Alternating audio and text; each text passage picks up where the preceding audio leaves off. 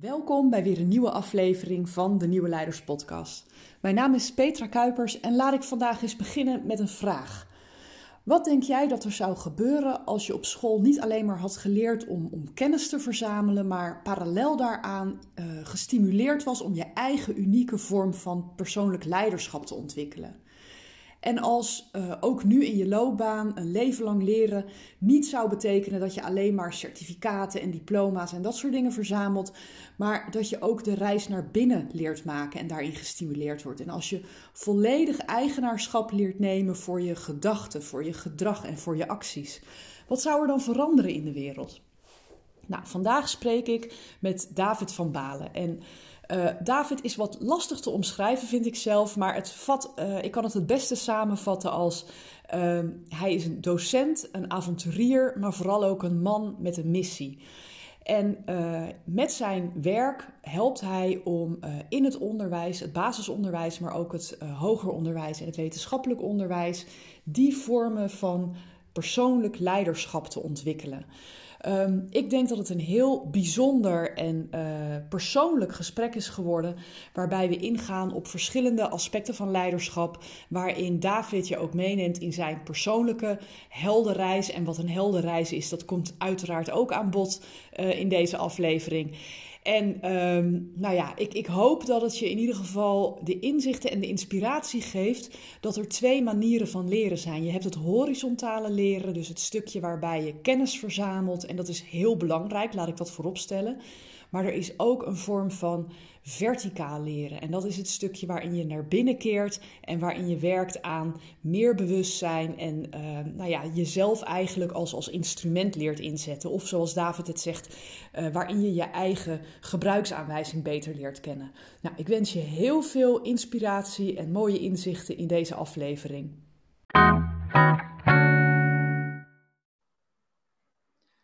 Welkom bij de Nieuwe Leiderspodcast. Dankjewel. Ik, uh, ik zie jou zitten. Ja, de luisteraar kan dit natuurlijk niet zien, maar je zit in een, in een prachtig oud schoolgebouw. En dat sluit eigenlijk wel aan bij het thema waar we over gaan hebben. Kan je iets vertellen over de omgeving waar je, waar je op dit moment zit? Ja, zeker. Uh, er zit ook nog een hele leuke anekdote bij. Oh. Ik zal het kort houden, want ik weet dat jij niet van het long format bent. uh, maar ik zit hier inderdaad in een voormalig schoolgebouw.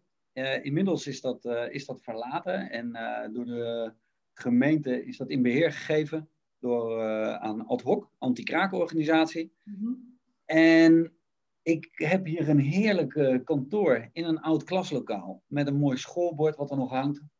En waar ik lekker mijn dingetje kan doen. En het grappige is, en daar komt hij, is dat mijn opa, die heeft nog les gegeven in dit gebouw. Echt waar? Maar dat wist ik daarvoor niet. Dus daar kwam ik pas achter toen ik hier zat. Wauw ja, dat mijn vader zei van, joh, maar weet je dat uh, mijn vader nog les heeft gegeven exact in dit gebouw. Ik dacht, ja, dat is cool. En, ja, en er zit nog eentje bij. Hiervoor was ik, uh, voordat ik helemaal mijn andere eigen pad ben gekozen waar ik nu op zit, uh, was ik twaalf en half jaar docent op een middelbare school in Ede. Ja. op een VMBO. En dit is een dependance van datzelfde VMBO. Nou, dat is synchroniciteit. Echt, hè? Ja, bizar, joh. Ja, En dat ja, heeft niet Ja, ja. Hey, maar je zegt, jou, jouw opa zat ook in het onderwijs? En ja. je vader ook, of niet? Nee, mijn vader niet. Oké, okay, okay. het is geen derde generatie uh, verhaal. nee. Hey, maar kan je iets vertellen over, hè, want je zegt ik heb in het onderwijs gewerkt, kan je, kan je jezelf even introduceren? Want dat is misschien wel aardig om, om jouw mooie pad even, even toe te lichten. Uh, ja hoor, dat is goed. Uh, mijn naam is David van Balen. Uh, ik ben 40 jaar oud inmiddels, of jong eigenlijk. En ik heb een hele lange relatie met onderwijs. Haat-liefde verhouding. Mm-hmm. vroeger was het haat. Toen, toen ik op de basisschool zat, niet enorme haat, maar ik wilde gewoon liever spelen, dromen, bezig zijn met. Nou, mijn grote droom was dan potvis worden. En uh, dat, uh, ja, dat mocht dan niet, of dat kon niet, en daar begreep ik niks van. Um, ik was ook altijd degene die op maandagochtend, als we dan in een kring gingen zitten, dan gingen we verhalen vertellen. En dan had ik de grootste verhalen waarvan driekwart niet waar was, maar het was allemaal uit mijn eigen fantasiewereld. En ik vond het fantastisch. En, Nou, dan kreeg mijn moeder kreeg dan te horen, uh, David moet minder liegen. En toen zei ze, nou ja, hij vertelt toch gewoon leuke verhalen. Ja. En ja, dankjewel moeder. Dat, uh, dat klopt. Um, maar van daaruit ben ik naar een middelbare schoolperiode gegaan, waar, uh, waar ik eigenlijk ja, twee vingers in de neus niet heel veel gedaan, zoals de meeste havisten eigenlijk, uh, wat ik veel om me heen hoorde. Maar wel op een gegeven moment in een lastige periode voor mezelf gekomen, in, in mijn puberteit.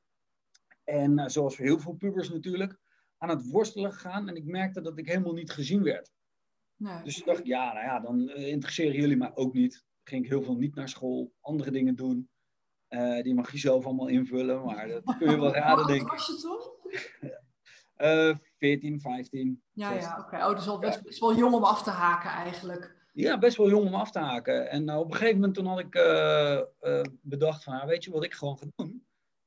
Ik, ik ga gewoon het onderwijs in als ik later groot ben. En dan ga ik het anders doen dan al die mensen die mij niet hebben gezien.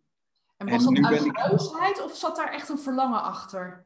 Uh, daar zat beide zat daarachter. Oké. En dat, is, dat, dat zit op heel veel verschillende vlakken. Dat is één, uh, ik, het leek mij heel belangrijk om wat te kunnen betekenen voor uh, nou ja, mijzelf en mijn vrienden, toen wij jong waren.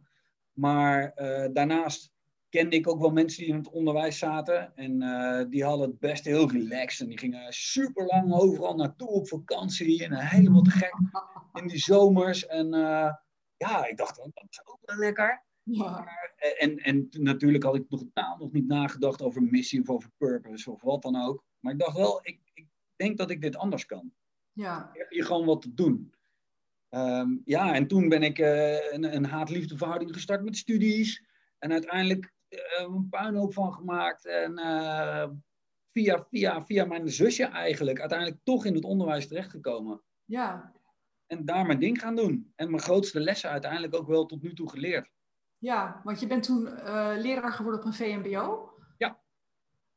En Wat, wat, was, wat, wat heb je daar zelf geleerd? Wat was wat jij daar leerde? Nou, wat ik aanvankelijk leerde is dat um, nou, ten eerste had ik totaal geen kennis van het VMBO. Ik had helemaal geen idee. Ik kwam zelf ja, was zelf geweest. Ik weet niet of er bij jullie een VMBO in, in een scholengemeenschap zat of wat dan ook. Of je daar contact had. Ja, we hadden, toen was het nog MAVO. Ja. Maar, uh, en we hadden wel, uh, wel een MAVO uh, gewoon bij ons in het gebouw. Mm -hmm. Alleen dat was heel anders dan, dan het huidige VMBO. Dat was geen vergelijk. Alleen door mijn interesse en door het lezen van de krant en zo had ik wel een, een beeld. Maar totaal geen idee hoe dat in de praktijk eruit zou gaan zien. Dus ja. ik had een soort ideaal beeld voor hoe ik mezelf voor de klas zag. Denk zoals heel veel mensen. Ja. En vervolgens kwam ik daar en toen bleek dat er uh, nou, ook best wel wat randvoorwaarden aan zaten. Uh, administratief, onder andere, wat nog steeds niet mijn sterkste kant is. Nee. nee, en het moet, hè. Oh, ja, het moet. Die druk is zo hoog, ja. ja. Maar ja, er vielen me ook een aantal andere dingen op. Maar dat kwam allemaal pas wat later. In de beginfase heb ik vooral heel erg geprobeerd mijn uh, uh, hoofd boven water te houden. Tussen um, in een cultuur waar alles van tevoren best wel bepaald was. Je werkt naar examens toe. Um, mensen, je weet, de, de, hoek die aan de linkerkant van de koffietafel zit, die doet A. En de rechterkant van de koffietafel doet B. Ja. En alles daartussenin zit uh, start boterhammetje te eten. Ja. Het was gewoon echt een enorme cultuuromwenteling. En ik heb mezelf daar ook volledig uh, getrakteerd op een briljante burn-out na een aantal jaren. Ja. Na een jaar of vijf, zes, zes jaar denk ik. Ja. Mm -hmm. en, en toen begon het leren natuurlijk pas. Ja. Want ja. kan, je, kan je pinpointen waar die burn-out vandaan komt? Want vaak is dat het begin van een enorme krachtige transitie. Hè? Tenminste, laat ik even voor mezelf spreken. Uh, hier nog zo één. Ja, ja. ja, ja. Maar, maar kan je duiden waar, waar, die, waar die knelde, waar die schuurde bij jou? Ja. Kijk, en dat, dat draag ik ook wel als overtuiging met me mee. En daar ben ik me terdege van bewust. Hè? Dus dit is vooral mijn visie daarop. Dat wil ik er wel even bij gezegd hebben ik denk dat een, een burn-out, uh, in mijn geval, maar ik zie regelmatig om me heen ook, een burn-out zit, dat zit al in je. Het zijn bepaalde uh, overlevingsmechanismen natuurlijk, die uh, copingstrategieën die jou gered hebben in een tijd dat je niet om kon gaan met gevoelens, emoties of ervaringen die er op je pad zijn gekomen. Ja. En op het moment dat je daar niet mee om weet te gaan, ja, dan ga je een strategie vinden, als kind helemaal, dan ben je heel creatief om ermee om te gaan. Mm -hmm. Alleen, dat wordt dan een gewoontepatroon. Ja. En vervolgens word je ouder als volwassene en gedraag je, heb je dus nog steeds gedragingen bij je die helemaal in je eigen schil zijn uh, gegroeid, die natuurlijk helemaal niet meer functioneel zijn. Nee. Um, nou ja, bij uh, van Michel uh, hoor ik regelmatig de uitspraak: meer is niet beter, maar beter is beter. Ja. Nou ja, in mijn ding zal dus harder werken, mezelf meer bewijzen. Meer was wel beter in mijn geval. Ja, en dan werk je jezelf kaart richting een burn-out. En de logische reden dat dat er op werk uitkomt in plaats van thuis. En dat is natuurlijk dat is de plek waar je het meeste bent. Ja. En het meeste uit je comfortzone wordt getrokken. Dus het meeste druk op je systeem wordt gezet. Maar vaak ja. heeft de burn-out niet met werk te maken. Het gebeurt, het gebeurt vanuit jou. Ja. En het is een uitnodiging om jezelf weer opnieuw op te gaan bouwen. Op de manier die wel uh, werkt. ja, zeker. Zeker. En, en die kans heb ik, uh, heb ik gehad. En uh, met beide handen gegrepen. Met veel hulp erbij. En een heel mooi, lang traject. waar ik echt met een glimlach aan terugdenk. Nou, ja, ik daar, wat mooi. Ja. Ja, want wat, wat was voor jou de sleutel naar, naar David 2.0? Oeh, ik denk dat het daar startte. Dat ik niet meer uh, continu bezig was met externe validatie. Maar dat ik eindelijk mezelf toestemming gaf om uh, gelukkig te zijn met mezelf. Ja. En als je vanuit die plek van rust en vrijheid kunt gaan creëren, dan kan je om je heen gaan kijken en dan kun je echt gaan luisteren naar je leerlingen. Wat, wat zeggen ze nou echt? Oftewel, waar ligt de behoefte? Goede vragen stellen. Ja. En vanuit daar ben ik dat gaan toepassen. Dus de kennis die ik had opgedaan tijdens mijn revalidatietraject, en mhm. alle theorie die erbij kwam kijken en alle uh, pijnlijke en mooie ervaringen, ja, die ben ik gewoon met mijn leerlingen heb ik gewoon vragen gesteld van ja, maar wat houdt jou nou echt bezig? Ja, maakt toch niet uit, want ik moet toch dit doen. Oh, nou ja, dat hoeft niet helemaal zo te zijn. En toen ben ik dus minder Engels gaan geven en in de uren mhm. Engels meer persoonlijke ontwikkeling en persoonlijk leiderschap. En de cijfers Engels schoten omhoog. En toen dacht ik, hé, hey, er gebeurt hier iets. Dit is interessant. Dat is ook een voorbeeld van uh, uh, meer is niet meer, hè? Klopt, meer is niet beter. Hè? Ja, beter is beter. beter. Eh, wat was dit het begin van jouw persoonlijke heldenreis eigenlijk? Want ik wil zo even het bruggetje maken naar de heldenreis. Maar dit klinkt wel als de berg die jij... Althans, we hebben vaak meerdere heldenreizen. Maar dit is de eerste berg misschien ja. moest beklimmen. Of... Ja, dat, daar heb je wel een heel mooi punt inderdaad. Zo zie ik het zelf wel. Ja. Ik, heb, ik heb zelfs ook echt moeite om uh, me te verplaatsen in de David voor 2012 en de David na 2012. Ja. Dus 2012 was het, uh, het jaar van mijn burn-out. Mm uh, gelukkig. En ehm, daarvoor daar kan ik heel, echt heel erg, heel veel moeite heb ik ermee om me daar nog in, te, in te kunnen inleven. Ja, ja. bijzonder. Ja. Dus Wellicht, wellicht. Maar het andere is wel allemaal nodig geweest. De uitdagingen en triggers en noem het allemaal maar op. Is echt nodig geweest om de urgentie te kunnen ervaren van... Oké, en nu moet ik echt aan de bak. En op een manier die wel constructief is. Ja, dus toen ben je heel erg aan jezelf gaan werken. En eigenlijk in, in de slipstream daarvan heb je ook je leerlingen meegenomen. En bleek opeens dat die cijfers omhoog schoten. Terwijl je niet meer aandacht aan de taal besteedde. Wat is nou het moment geweest dat jij voor jezelf ging beginnen. Want op een gegeven moment heb je toch dat onderwijs, terwijl je echt wel een onderwijshart hebt, heb je dat losgelaten. Wat, wat, voor traject ging daar aan vooraf? Wat voor proces? Het ging mij te langzaam op school. Oké. Ik heb, uh, op school heb ik verschillende gesprekken gehad. Want door de theorieën die ik las en mijn uh, hernieuwde inzichten, leerde ik uh, helikopterview aannemen, uh, detachen van, uh, van wat er eigenlijk allemaal gebeurde. En op het moment dat je erboven gaat hangen, dan ga je allemaal vragen stellen. Waarom doen we eigenlijk dit op deze manier? Waarom handelen we op die manier? Waarom behandelen we kinderen zus of zo? Mhm. waarom zijn 10 minuten gesprekken 10 minuten gesprekken? Waarom? Al die waarommetjes. En ik vond daar op school een aantal hele fijne gesprekspartners in. En ik kreeg daar ook best wel een vrije rol in. Ook in het uh, begeleiden van ouders, van leerlingen met een rugzakje, als speel tussen uh, ouders en de docenten en zo, en, en de leerling. Maar op een gegeven moment dacht ik van ja, maar als dit zo goed werkt, dan, dan wil ik meer gaan doen. En dan, uh, dan ja, ga ik gewoon proberen of het op een andere manier ook kan. En toen heb ik een aantal ja, zoals het dan gaat achteraf natuurlijk. Hè? You can only connect the dots afterwards. Het boek The Vibe van Mark Verhees heb ik gelezen over positieve denken. Ik had een gratis cursus van Michael Pilarczyk gedaan, die die één keer in de zoveel tijd aanbiedt uh, rond de winter. En dat gaat heel erg over, ja, maar wat wil jij en wat wil je vanuit jezelf creëren en, en waar ligt je hart nou echt? En uh, ja, ik wil reizende schrijver worden en ik wil wat doen in het, in het onderwijs. Dan zeg ik, ja, dan, dan is dit niet meer mijn plek. Nee. Dan, dan moet ik gewoon een andere realiteit gaan creëren voor mezelf en voor mijn omgeving. Om als mens duurzamer, blijer en uh, ja, misschien op den duur ook wel een leuk voorbeeld te worden voor anderen. Ja, dus eigenlijk om, om je, waarde, je eigen waarde nog veel meer in de wereld te kunnen zetten, moest je uit dat template exact. bijna. Ja, ja, ja, precies. Het is echt het, uh, het letterlijk ontdekken. Ja, uh, en, en toen, want wat gebeurde er toen? Want je had dat inzicht. Ja. En, inmiddels als je fast forward en je kijkt daarnaar, denk je, dat is gewoon allemaal waanzinnig gelukt. Maar ik neem aan dat dat niet van de ene op de andere dag is gegaan. Uh. Nee, dat klopt. Het eerste wat er natuurlijk om de hoek kwam was oude, ehm, de innerlijke criticus. oude patronen, angst, vooral. Maar op een gegeven moment heb ik inderdaad wel volgens de heldenreis en het heldenverhaal heb ik het zelf op die manier ook aangepakt. En uh, ja, wat zou de held doen voor mijn verhaal? Ja, die zou het gewoon doen. Ja, hoe je dat het op een gegeven moment een keertje niet lukt. En hoe je dat je sommige mensen niet te spreken krijgt. Of, niet uit, je kunt het ook niet doen. Ja. Maar ja. Voor mensen die, die, die het, het, ja, zeg maar dat proces van die heldenreis niet kennen, kan je die heel kort even toelichten? Want dat is natuurlijk een universeel uh, verhaal eigenlijk. Ja, ja precies. Ja, het is op een gegeven moment heel mooi blootgelegd door Joseph Campbell, hè, The Hero's Journey.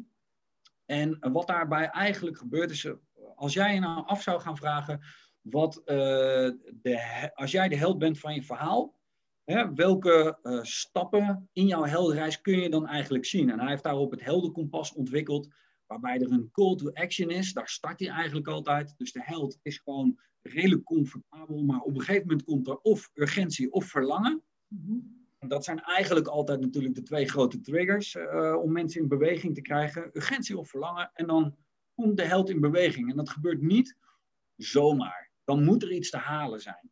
Maar ja, dan uh, kan die held dat nog niet in één keer realiseren. Dus die heeft bondgenoten nodig. En uh, bijvoorbeeld vrienden of een nieuwe omgeving die jou wel stimuleert in datgene wat je wil en kan um, graag voor je ziet. Uh, vervolgens krijg je allemaal kleine uitdagingjes ook op je pad. Nou, dat zul je zelf natuurlijk ook wel herkennen, dat er uh, een beetje aan de boom geschud gaat worden. Van is dit wel echt wat je wil? Weet je het wel zeker? Nou, dat is vrijwel universeel voor iedereen die nieuwe dingen gaat doen die net op de rand of buiten je comfortzone liggen. En vervolgens ga je dat hele helder kompas rond. En uh, is er altijd een draak te verslaan, maar die draak mythisch en, en in het echt de draken. Daarachter ligt altijd uh, uh, de schat of de prinses of uh, nieuwe kennis of het elixir. En wat er eigenlijk gebeurt is, door de uitdaging aan te gaan, gaat de held de reis en eindigt hij weer op het punt waar hij was. Hij komt uit de onderwereld waar hij al die uh, ordeals heeft doorstaan. Mm Terug op het punt waar het was, maar het punt waar hij is gestart is helemaal veranderd, omdat hij zelf is veranderd. Ja.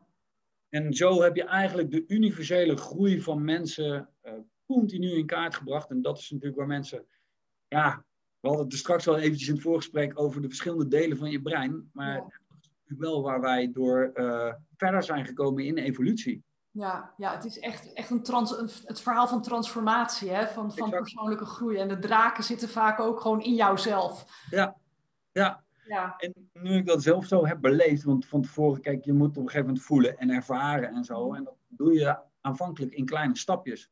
Maar op een gegeven moment dan ga je uh, merken dat het ook echt, echt zo werkt.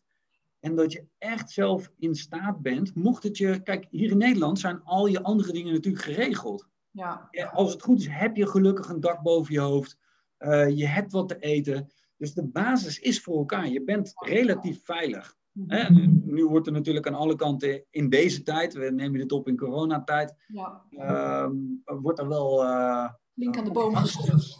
ja, komt angst flink om de hoek. Ja. Maar, maar goed, het zijn. Uh, doe het en ervaar het. En ervaar dat je, dat je er niet per definitie aan doodgaat, maar dat het hooguit weer een nieuwe leerervaring is. Ja, En dat is gewoon En vet. bij jou, hè, want jij ging toen die heldenreis ging je doen. Je zei, ik wil reizen, ik wil schrijven, ik wil waarde toevoegen, waar dat op school niet helemaal lukt. En toen kwam jij je draken tegen. Kan, kan je een voorbeeld geven van een draak die je onderweg hebt mogen verslaan? eh? Ehm, ja, de grootste is, is, is altijd mijn eigen angst. Er, Ja. is, er is niks groter of enger dan de dingen die ik mezelf kan voorstellen over eh, hoe vreselijk het voelt om afgewezen te worden of eh, dat soort angsten. En juist door dat te gaan doen en te ervaren, dat of het nou wel of niet lukt, ehm, ja, dat je er nog bent. Je ademt nog, je doet het nog. ja, de wereld Eh, draait nog. Ja. Ja, maar de, de grootste draak is, eh, is mijn eigen angst. Ja. Altijd. Altijd. Er kan, zo, er kan zo vreselijk veel als je maar doet, als je maar in beweging komt. ja, maar is het nog steeds je grootste draak? Eh, ja, ik denk het wel. Eh, Op sommige gebieden zeker. Ja. Ja. Ik eh, zal, zal een mooi voorbeeld noemen. Ehm, vlak voor de zomervakantie had ik in mijn hoofd... Ik, ik zou heel graag een keer Guido Weijers in mijn podcast willen. ja. Ik vind dat iemand die zo heerlijk mensen de ruimte kan geven om te denken wat zij denken. Mhm. Maar hij heeft zelf zo goed nagedacht over eh, alle voor's en tegens. En hij durft ook gewoon te zeggen, joh, ik weet ook lang niet alles. Dat vind, dat vind ik heel knap. Hè? Dat zijn mensen als, nou ja, Guido die doet dat, maar een Sam Harris, ik weet niet of je die kent. ja. Eh, dat is ook iemand die gewoon rustig nadenkt en vanuit conversatie en, en, en, eh, en gevoel en ratio combinerend het gesprek gaande houdt. In plaats van laat ik maar zo snel mogelijk een hoek kiezen, ja. want dat is lekker makkelijk. Ja, ik, ik heb altijd het gevoel, die denken in comma's en niet in punten. Dus er blijft altijd ruimte voor... Ja, het is een Ja. soort martial arts-achtig. Ik maak nu die gebaren, dat zie je niet op de podcast, maar dat, ja. Ja, exact. En eh, dat is natuurlijk ook een van de beginselen van inclusie en eh, noem die al, al die za- zaken maar op. Maar het komt wel hierop neer. En ik dacht, oh ja, dat lijkt me wel te gek. En zijn een goede vriend van hem, Paul Smit, die had ik al een keer geïnterviewd. Ja, Maar dat was al een hele tijd geleden. En, en dacht ik, oh, ik ik zou eigenlijk, ja, dan moet ik eigenlijk Paul Smit bellen. ja. Ah, dat heb ik uitgesteld. En ik en dan dacht ik, ah, nee, dat is nou, maar nee, het voelt niet goed. Het moet nu wel goed. Op een gegeven moment dacht ik, ja, fuck it man. Het is, dit is, ik moet gewoon doen. Doen, Ja. doen, doen. Heb ik het nog weer uitgesteld. En uiteindelijk heb ik het wel gedaan, gisteren. Eh, Oh, gisteren echt. ja, ja, een audiobericht gestuurd. En, Ja. eh, dus eh, ja, zeker is die angst er nog. Weet je? Terwijl ik weet, dat die Paul Smit is een super chille gast. Ja, Die maakt zichzelf ook echt helemaal niet druk. En dan hoef je, maar dat zit allemaal in mezelf. ja. Dus je weet nog niet of je Guido in je podcast krijgt. Nee, geen idee. Nee, Geen oh, idee, maar het maakt niet uit. zijn. Ik, heb- het- ik heb de draak die er zat, dat was de angst om het Ja. te doen. En ik heb het nu gedaan. En ja, verder het effect heb ik allemaal geen invloed meer op. Nee, en dat is het mooie. Hè? Dan kan je het ook loslaten. En dan pakt het ook altijd precies zo uit zoals het uit moet pakken. Want als dit er niet wordt, dan valt er wel weer een andere. En dat vind ik altijd het mooie aan dit proces. Het is overgave. Jij hebt gedaan wat je moest doen. Jouw rol is nu gespeeld. Ja, Ja. mooi. Ja. Hey, En vertel eens over die heldenreizen die jullie nu eh, aan... Want dat is eigenlijk natuurlijk... Hè, ik, het, het gaat over leiderschap, deze podcast. En waar ik heel erg op aanging, was jullie verhaal. Wij hebben elkaar natuurlijk ontmoet op de eh, Hogeschool Rotterdam eerder dit jaar, net voor de lockdown. En toen vertelde je iets over de heldenreis voor kinderen, om eigenlijk al dat leiderschap bij kinderen aan te gaan zetten. Waar, waar kwam dat vandaan, dat idee? Wie, wie heeft dat ooit, dat zaadje geplant? Michel, Ja. eh, Michel Vos Mhm. van eh, de Eindbazen podcast, host van de Eindbazen podcast en directeur van eh, 12 Waves. Eh, ook een leiderschapsprogramma overigens. En de vraag kwam ook vanuit een scholengemeenschap op dat moment. Ik wilde me eigenlijk namelijk op docenten gaan richten. Oké. Want ik zag hoeveel nou ja, intern gepensioneerden er rondliepen in het onderwijs. En die dan zeiden, ja, maar ik hoef nog maar tien jaar. En toen dacht ik, ja, what the fuck, tien jaar man. Je hebt wel een fulltime baan. Je zit hier gewoon iedere dag, krijg je, weet ik veel, honderd leerlingen in je klasse. En het enige wat jij denkt is, ah, nog maar tien jaar. Ja, dat, kun je, dat, is, dat is niet wat je mensen mee kunt geven. Ehm, dus daar dacht ik van, oké, ik wil graag of dat ik die mensen in laat zien dat ze misschien beter iets anders kunnen gaan doen. Mhm. Omdat dit het voorbeeld is wat ze stellen. En dat is volgens mij niet het meest productieve voorbeeld. Nee. Of ze laten zien dat je het ook gewoon weer het wiel opnieuw uit kunt vinden. En opnieuw plezier kunt gaan hebben in datgene waar je altijd je passie voor hebt gehad. Mhm. Dus daar zat ik hem zelf een beetje mee te worstelen. Ja. En vervolgens kwam ik Michel tegen en, uh, bij een seminar van hem, een live crafting seminar. En toen dacht ik, ja, maar dit is, dit 12 Waves, dat programma wat hij vertelde, dit is echt perfect als kapstok. Het is zo groot, zo breed, perfect als kapstok om uh, programmaatjes en het onderwijs aan op te gaan hangen. Ja. Nou, om dan de koppeling te maken naar jouw vraag. Ehm, vanuit daar zijn we gaan kijken, oké, ja, wat, wat, wat, kunnen we gaan doen samen? Ehm, want hij wilde wel uh, wat met onderwijs, maar hij merkte, ja, daar zit niet helemaal mijn ding. Uh, tof dat jij je aanbeeldt, laten we kijken wat we kunnen doen. En toen kwam er een vraag ook vanuit de school, scholengemeenschap. En toen ben ik aan het ontwikkelen gegaan. En toen mocht ik dus schrijven. Nou, ja. al... Daar kwam alles bij elkaar, hè? Ja, ja inderdaad. En toen was het een stuk vanuit mijn eigen ervaring op het VMBO. Van veel leerlingen die uh, toch wel uh, met een, een, gevoel van uh, minderwaardigheidsgevoel bij mij in de klas zaten. Nou, niet alleen bij mij, maar gewoon bij ons op school. Omdat ze op de basisschool door hadden gekregen, je kan het niet, ga maar in de pophoek zitten, weet ik veel wat. Ja. dus dat. En wat ik zelf had geleerd, dus doelen stellen, teken het eens uit, maak eens een roadmapje. Uh, maak de doelen ook vooral heel concreet en actionable. Zorg nou dat je dat ook echt kunt doen. Maar natuurlijk ook de dingen die, nou ja, Stephen Covey, uh, de Seven Habits, ja. joh, die zijn zo krachtig en zo belangrijk. En ik zie zoveel programma's op basisscholen waar, waar nou, hier heb je een werkboekje, uh, kijk er maar even in, succes. Ja, ik moest zelf ook altijd eerst ervaren en dan uh, wilde ik wel weten hoe het zat. Ja. Weet je wel? En dus het uh, helderheidsprogramma is heel erg opgebouwd rondom de principes van COVID. De principes die wij zelf hebben ontdekt op basis van uh, bijvoorbeeld goalsetting voor volwassenen ook. Mm-hmm. Maar ook gewoon uh, op fysieke basis. Ja, en dan zit je natuurlijk ja, met corona ineens en dan kan er heel weinig fysieks. Dat is ja. echt jammer.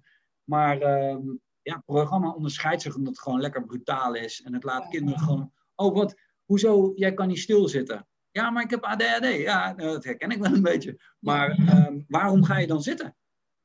Jo, mag ik ook staand luisteren? Ja joh, tuurlijk. Het duurt maar een paar minuten. Mag jij maar lekker staan. Oh, mag ik dan ook liggende kleuren in de klas? Ja hoor. Ja, ja en dat is uh, het helderheidsprogramma ten voeten uit. En het is zo vet om dan kinderen gewoon te leren dat ze heel veel meer eigen invloed hebben dan dat ze van tevoren denken. Ja, want wat, wat, wat leren jullie nou als belangrijkste leiderschapsvaardigheid aan die kinderen? Ik zag al het een en ander op jullie website inderdaad, maar wat, wat is, waar voeg je nou de meeste waarde toe waar ze de rest van hun leven nog wat aan hebben? Eigenaarschap. Eigenaarschap. 100% eigenaarschap. Je ehm, hebt helemaal niks te zeggen over wat het leven allemaal op je pad dondert. Echt helemaal niks. Maar je hebt alles te zeggen over hoe jij daarmee omgaat. En dat hoeft niet per definitie te zijn wat je vanuit huis hebt meegekregen, of hoe je ouders op bepaalde zaken reageren, of wat er vanuit uh, YouTube-shows, of uh, vroeger was dat dan televisieseries. Hè, van, nou, ja, als iemand jou besodemietert, dan reageer je altijd zo. Ja. Iedereen bij mij, uh, eerste, tweede, derde klas, middelbare school, iedereen reageerde op dezelfde manier op bepaalde situaties, omdat iedereen naar goede tijden, slechte tijden keek op de televisie. En dan dacht ik, ja. Die er is, ja. Ja, maar als, precies. En als dat dan het voorbeeld is. Maar dan heb ik liever dat kinderen zelf gaan uitvinden. Dus ik ga het ze niet vertellen, maar ze gaan het zelf uitvinden. Wat past daar nou bij mij? Ja, ja. en wat, wat ik heel mooi vond op jullie website om te zien is dat um, je wordt een superheld. Dat is uiteindelijk wat je, wat je wordt hè, met dit programma. Maar er is niet gedefinieerd wat dat dan is. Dus daar kan je totaal je eigen kleur aan geven. Exact. Ja, dat is dus inderdaad ook per... Extraversie, dat soort dingen, dat mag er allemaal zijn. Dat is heerlijk, ja. Ja, per kind. En uh, daarom brengen we ze naar het punt waarbij ze zelf kunnen bepalen van... oké, wanneer behaal ik mijn heldenstatus? Mm Ja, dat verschilt voor iedereen. Want we hebben allemaal vreselijk veel talenten en uitdagingen. Ja. Dus ja, eh, kies zelf. Waar, waar zit het voor jou? ja. En wat is, wat is jouw stiekeme wens wat de docenten daarvan oppikken? Ben je niet stiekem ook docenten een beetje aan het, uh, aan het meenemen? Ja. ja, natuurlijk. Ja. ja, natuurlijk. Kijk, het is niet voor niets dat wij dit met trainers in een klas komen doen en vervolgens wel de eis stellen dat een docent er ook wel bij blijft zitten. Ja. Uh, ook als docent, hoe uh, goed ze ook zijn. En ik uh, bedoel, ik ben zelf net zo. Hè, als ik een tijd heb gewerkt met een groep, dan heb ik ook mijn groep in bepaalde vakjes in mijn hoofd ingedeeld. En wat betekent dat? Dat ik mijn ogen ook sluit voor andere capaciteiten van die groep, want die zitten al in dat hokje. Ja. maakt mij niet uit wie je bent of hoe goed je bent, maar dat is gewoon wat we doen als mensen. Hè? Dat is gewoon ons energiesysteem, er moeten makkelijke, snelle koppelingen gemaakt worden. Maar op zo'n moment ziet zo'n docent wat er nog meer allemaal aan potentie is en wat er voor plezier beleefd kan worden vooral. Ja. Een basisschool is toch vooral een tijd van basis en plezier. Jezelf een beetje, een beetje weerbaar maken, weet je. Ze gaan straks naar de middelbare school. En, dat zijn dingen die veel belangrijker zijn dan een CITO-toets. Ja. In mijn ogen. Ja. Nou ja, en dat is ook waar je dus mee begon, dat je daar zelf ook tegenaan liep. Dat was de, de haatrelatie die je had op dat moment met school. Dat het meer in, in een vormenstoofje was dan dat je lekker je ding mocht doen. Ja, uiteindelijk ben ik natuurlijk alleen maar pleisters op mijn eigen ziel aan het plakken. ja, maar dat zijn, wat er in onze jeugd stuk gaat, zijn we de rest van ons leven aan het Exact. Ja, ja, exact. Ja, de rest ja, en daarom. Ja, ja en uh, het is gewoon super mooi om uh, uh, mensen daarin al te kunnen begeleiden op jonge leeftijd in een, in een transformatietje. Ja. Waarbij je in één keer iemand ziet die wel erkend wordt omdat hij, ik zal iets raar, misschien raar noemen, maar op een stoel durven, durven staan. Een aantal kinderen met hoogtevrees durven niet op een stoel te staan. Dat ene hele stille kindje, ja, die kon dat wel. En die ging vervolgens de anderen in de klas uitleggen in een aantal kleine stapjes hoe je nou komt tot uiteindelijk op die stoel staan. Ja. Met oefeningen en zo. Dus ze leren ook van elkaar. Ze leren van elkaars uitdagingen en van elkaars krachten. Ja, ja het is gewoon super vet, man. Dan zie je gewoon de kinderen uh, twee koppen groter de klas weer uitlopen. Ja. Hey, en, dat, en dat eigenaarschap, is dat voor jou hetzelfde als leiderschap? Hoe zie jij leiderschap? Wat, wat, hoe zou je dat zelf omschrijven? Ja, toch wel op die manier. Uh, ownership, eigenaarschap, leiderschap, het valt bij mij eigenlijk allemaal onder dezelfde noemer. En dan haal ik leiderschap even los van leiderschap over een groep mensen bijvoorbeeld. Ja, dus niet hiërarchisch of macht. Exact, exact. Ja. Uh, daar wil ik wel weg van blijven. Um, een mooie quote die ik de laatste tijd heel veel voor in mijn hoofd heb zitten is eh, de wereld verandert niet door je mening, maar door je voorbeeld. Ja. Ja, dat is leiderschap. Kijk, als jij leiding neemt over je eigen leven, binnen de invloed die je hebt, hè, jouw circle of influence, dan uh, ga je dingen doen en vooral geen energie verspillen in die circle of concern, want dat, ja, dat, daar heb je niks mee te doen. Op het moment dat jij gewoon leiding, gewoon, ja, het is, het is een andere manier van denken. Ja, voor mij is het inmiddels gewoon, maar leiding neemt over uh, je gevoel, over je emoties. Waarom moeten mijn uh, schoenen door de klas vliegen als ik driftig ben? Waarom moeten anderen daar last van hebben? Ja. Um, gewoon eens even kijken naar waarom, wat is dat dan, emotie? Wat is gevoel? Wat, uh, waarom word ik driftig? Je neemt leiding over de manier waarop je zelf in het leven wil staan. Ja. En je gaat mij niet vertellen dat mensen intrinsiek chagrijnig en boos en driftig zijn. Dat zijn allemaal reacties op. Ja. En uh, ik hoor, ken je Richard Telet? Nee. Oké, okay, ja, Richard Telet is met een heel mooi ding. Ik zal hem zelf zijn eigen promotie laten doen. Ja. Maar die gaf een heel mooi voorbeeld over uh, wat we veel doen hier. In, uh, nou, niet alleen in Nederland, maar in het Westen. Mm -hmm. op, de metafoor is de auto. Wij rijden en op een gegeven moment gaat er op ons dashboard gaat een lampje branden. Van de olie. olie is op. En wat wij heel erg geneigd zijn om te doen, is om een hamer te pakken dat lampje kapot te slaan en zeggen, zo, niks meer aan de hand. En doorrijden. Ja, ja.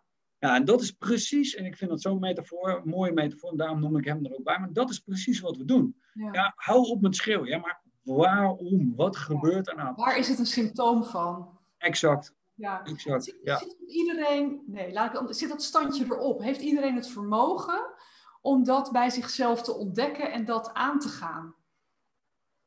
Dat weet ik niet.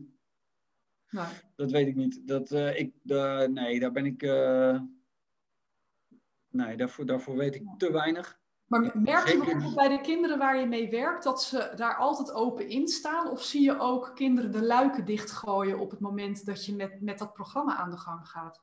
Ehm, dat zie ik wel gebeuren Ja. bij een hele kleine minderheid. En tot nu toe zijn de verklaringen daarvan die ik terug heb gekregen van de, van de groepsleerkrachten, dat dat kinderen zijn die al in een bepaald proces zitten. Dus die hebben eh, intensieve hulp thuis of wat dan ook. En op het moment dat het daarover gaat, je- wordt het te veel. Komt het te veel dichtbij. Ja. Ehm, verder, meh, nee, not so much. En er zijn ook van die kinderen die wel gewoon mee kunnen doen, omdat ik dan zeg, joh, maar je mag gewoon je eigen grens stellen. ja. Ik zeg niet dat jij dingen moet, je mag het gewoon helemaal zelf weten.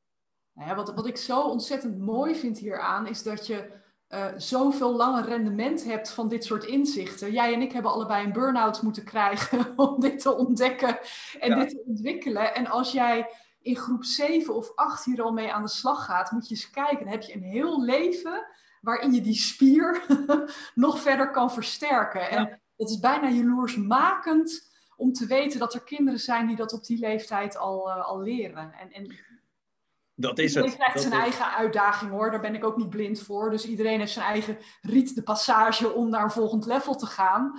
Dat is ook de heldenreis. Maar Ook, d- dit ja. stukje hebben ze alvast mee. eh. Ja, en ze hebben in ieder geval die oefening gedaan en ze hebben, zich, ze hebben in ieder geval een beetje gewerkt aan een klein stukje zelfvertrouwen. Mhm.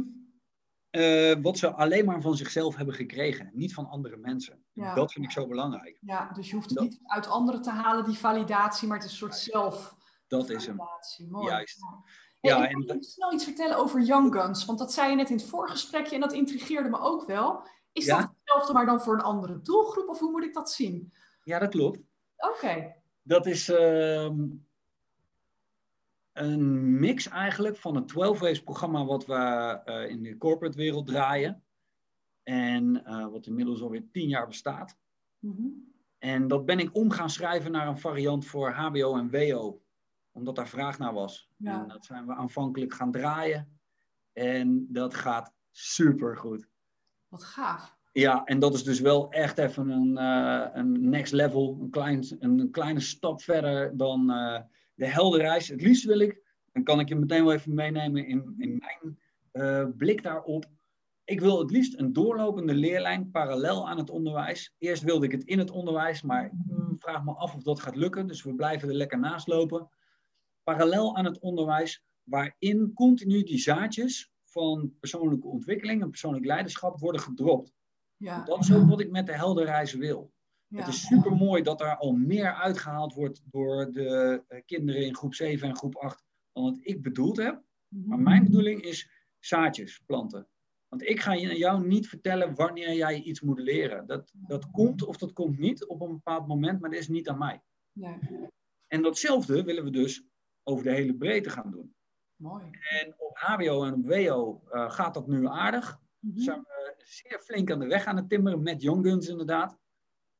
En dat is wel echt next level. Dus dan ben je wel echt bezig met uitgebreide goal setting. Maar Mhm. daaraan gekoppeld waar veel studenten tegenaan lopen. Hoe borg je nou jezelf? Workflow organiseren. Heel veel mensen weten helemaal niet hoe ze hun werk moeten organiseren. Sterker nog, voordat ik Getting Things Done had gelezen, Ja. David Allen, had ik ook helemaal geen idee. Echt niet. Het was gewoon één grote puinhoop. ja, maar je kreeg al wel dingen voor elkaar. Dus het heeft het efficiënter gemaakt en het heeft inzichten gegeven. Ja, maar het, nou, en eh, heeft als eh, accelerator gewerkt. Ja. Daardoor ben ik zoveel effectiever geworden. Door Ja. getting things done. Ja. Ja, en dan heb je alle andere zaken. Waar komt je weerstand vandaan? Je wil iets, je hebt gekozen voor een bepaalde opleiding. En vervolgens zit je in het eerste kwartiel. Mhm. En je hebt drie vakken. En van die drie vakken vind je er eigenlijk maar één leuk. Hoe kan dat nou? Want je wilt toch die opleiding doen? ja. Waar komt dat vandaan? Hoe zit dat in je biologie verweven? Eh, hoe behoud je je energie, slaap, eh, fatsoenlijk ademhalen? Je dag start. Nou, we begonnen vandaag dit gesprek, voordat het werd opgenomen, met hoe start je je dag? Start je die vanuit rust, vanuit jezelf? Mhm. Of start je die vanuit eh, angst omdat je je telefoon opengooit en er alles. Ja, op je afkomt? En alle social media. Ja. Precies, precies. Ja, Ja. dat angstsysteem blijft aanstaan dan gedurende de dag en daar heb je gewoon last van. Nou ja, wat ik heel mooi vind aan, aan, jou, aan jouw visie daarop, is dat we heel veel aandacht tot nu toe altijd besteden aan het verzamelen van kennis. dus eigenlijk een soort van horizontale groei. En met de zaadjes die jij plant, help je mensen verticaal te groeien. Dus in bewustzijn, in, in zichzelf keren. Dus ook naar beneden groeien, zeg maar. Van wie, wie, wie, zit daar nou in mij? En, en waar, komt dit nou vandaan? Wat ik voel en wat ik denk en wat ik ervaar. Ja. Dat is iets waar we het eigenlijk heel weinig over hebben in onze opleiding, in onze professionele omgeving. Dus ik denk dat het redelijk baanbrekend is wat jullie aan het doen zijn. Ik merk het ook. Ik merk het aan alle kanten. Dus er wordt ons heel weinig uh, dwars gezeten. Of uh, uh, vrijwel iedereen is enthousiast. En, en dat snap ik ook. Dit, dit is gewoon zo super belangrijk. Want op het moment dat jij niet weet naar welke haven je wilt, mhm. of hoe je schip werkt, ja, dan maakt het geen zak uit waar je aankomt. Dan is het nergens goed. Nee. Dus het is hartstikke belangrijk om als jij, je, je krijgt een nieuwe telefoon. Mm Dat ding komt binnen, dan ga je eerst uitzoeken hoe die werkt. Waarom doen we dat niet met ons hoofd, met onze emoties, met ons ja. ja, dat is eigenlijk een beetje vreemd. En daarna, op het moment dat jij weet wat je wil, dan kun je bepalen hey, welke kennis past daarbij. Hoe kan ik dan selectief die kennis uit gaan zoeken die mij verder helpt? En wat, wat ben jij hier zelf nog over aan het leren? Want jij bent zelf natuurlijk, hè, je loopt in feite een aantal fases voor op wat jij nu doseert. Wat, wat is jouw belangrijkste uitdaging op dit moment? Uh, blijven durven, blijven doen. Mhm. In beweging zijn, niet wachten op uh, toestemmingen of tekens of signalen of wat dan ook. En wat voor mij heel erg belangrijk is, is om nu zoveel mogelijk de verbinding te maken met andere mensen. Nu ook met jou weer. Ja. Uh, een mooi gesprek aangaan vind ik super fijn. In mijn podcast probeer ik natuurlijk ook heel veel mensen lekker aan het woord te laten, te laten praten. Maar die verbinding, dus het van ik bijdragen naar wij bijdragen, naar wij als maatschappij, ja, dat, ja, dat vind ik het mooist. En daar zit ik nu zelf heel in van hoe kan ik zorgen dat ik andere mensen uh, zo sterk in dat ding wat ik mezelf inmiddels heb aangeleerd. Met behulp van al die mooie leraren en leraressen om me heen natuurlijk. Ja, ja mooi. Hey, als mensen meer over, over jou en over uh, de heldenreis en over Young Guns willen lezen, waar, waar kunnen ze meer vinden? En je podcast? Doe even wat over jezelf vertellen, waar ze alles over je kunnen vinden. Ja, nou ja, kijk, uh, ik denk dat davidvanbalen.com, dat is gewoon uh, een website die ik al een tijd heb staan. Dat is verder niet zo heel interessant, want het gaat niet echt om mij als persoon. Het gaat meer om datgene wat we kunnen bijdragen. En dat vind je als het gaat over het basisschoolprogramma uh, www.deheldenreis.nl. Mm -hmm. nou ja, je hebt hem zelf bekeken, mooie, mooie site. Ja, absoluut. Ja, daar zijn we lekker mee bezig. Dan hebben we de Helderreis podcast. Mhm. Eh, waarin ik mensen spreek met hun inzichten en uh, de, uh, de gave nuggets die zij mij kunnen vertellen over waar wij wat aan kunnen hebben in het onderwijs. Ja. En dan hebben we Young Guns en dat is op youngguns.academy kun je hem vinden. Dat is een redirect naar de 12 Ways, maar dan dat heeft een eigen, eigen pagina. Um, online programma waarmee we studenten begeleiden geven de trainingen zelf op HBO's en WO's. Dus ja, jongens.academy kun je ons ook vinden. Het is uh, ja, heel veel en, en heel tof. Ja, ja, super. Mag ik je heel erg bedanken voor dit mooie gesprek? Ja, jij ook, Petra. Blijf doen wat je doet, want uh, het is mooi dat je zoveel aandacht geeft aan dit soort initiatieven. Oké, en hetzelfde geldt voor jou. Dankjewel. Dankjewel.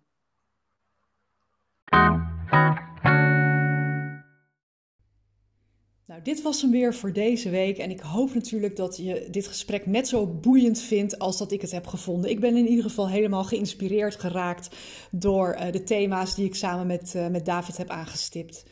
Nou, wil je nog veel meer inspiratie ontvangen, dan nodig ik je van harte uit om op donderdagavond mee te doen met mijn inspiratiesessies. Tot het eind van 2020 geef ik elke donderdagavond om half acht een inspiratiesessie online van ongeveer een half uur. En daarin raken we elke keer een ander aspect rondom het thema leiderschap. Uh, van de feedback die ik van de eerdere edities heb teruggekregen, wordt het ontzettend waardevol gevonden. En ik merk ook dat er een aantal mensen elke keer zich opnieuw weer aanmelden voor de volgende. Dus dat geeft mij ook aan dat hier uh, in een behoefte wordt voorzien. Dus voel je uitgenodigd om daaraan deel te nemen. Wil je dat graag? Stuur mij dan een mailtje op petra.deimplementatiedokter.nl. Ik wens je een hele fijne dag en ik tref je heel graag weer bij de volgende aflevering.